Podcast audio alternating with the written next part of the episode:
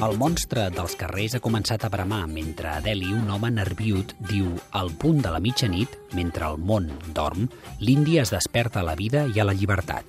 I sota el bram del monstre hi ha dos xiscles més, dos crits més, dos udols més, esgarips de nens que arriben al món amb la seva inútil protesta barrejada amb l'estrèpit de la independència que penja color safrà verd del cel nocturn.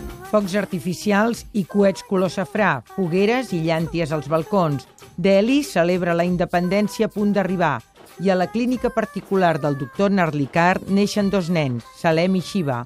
Una llevadora els canviarà la identitat. El ric anirà a parar a una família pobra, el pobre a la família benestant són els primers dels fills de la mitjanit amb poders màgics que els lligaran al futur de l'Índia.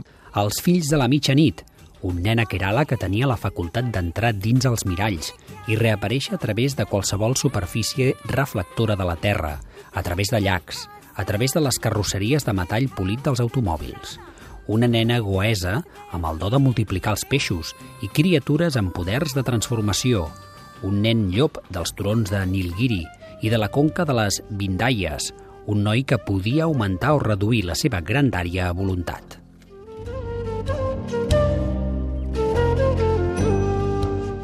Salem i Shiva van rebre els poders més grans. Salem pot ficar-se dins dels pensaments dels altres. Shiva té un do pel combat.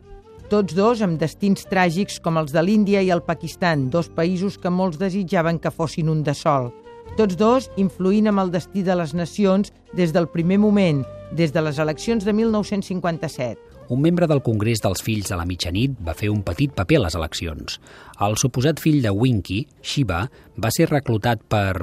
Bé, potser que no digui el partit, però només n'hi ha un que disposés de quantitats importants per gastar-se.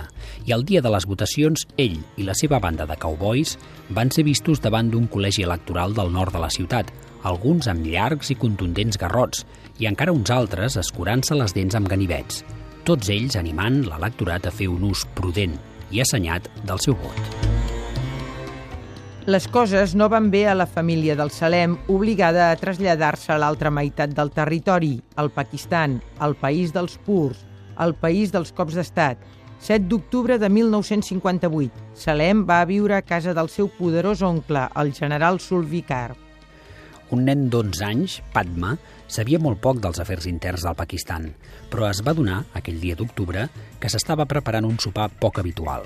El Salem, d'11 anys, no sabia res de la Constitució de 1956 ni de la seva gradual erosió, però tenia prou vista per clissar els oficials de seguretat de l'exèrcit, de la policia militar, que arribaven aquella tarda i s'arraulien secretament darrere cada un dels arbustos del jardí.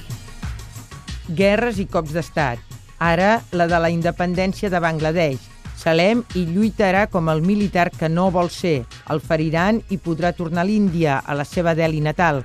Tancarà el cercle i es tornarà a trobar amb els fills de la mitjanit. La independència de l'Índia està consolidada, però Salem intueix el seu final. La seva vida s'esvaeix, només han passat 30 anys. Així és que Sam i el tigre i els fills de la mitjanit Parvati i jo devem el nostre retrobament, almenys en part, els elements més turbulents de la política de Bengala Occidental. La derrota del Tigre només és el principi d'una campanya contra l'esquerra a Calcuta i els seus voltants.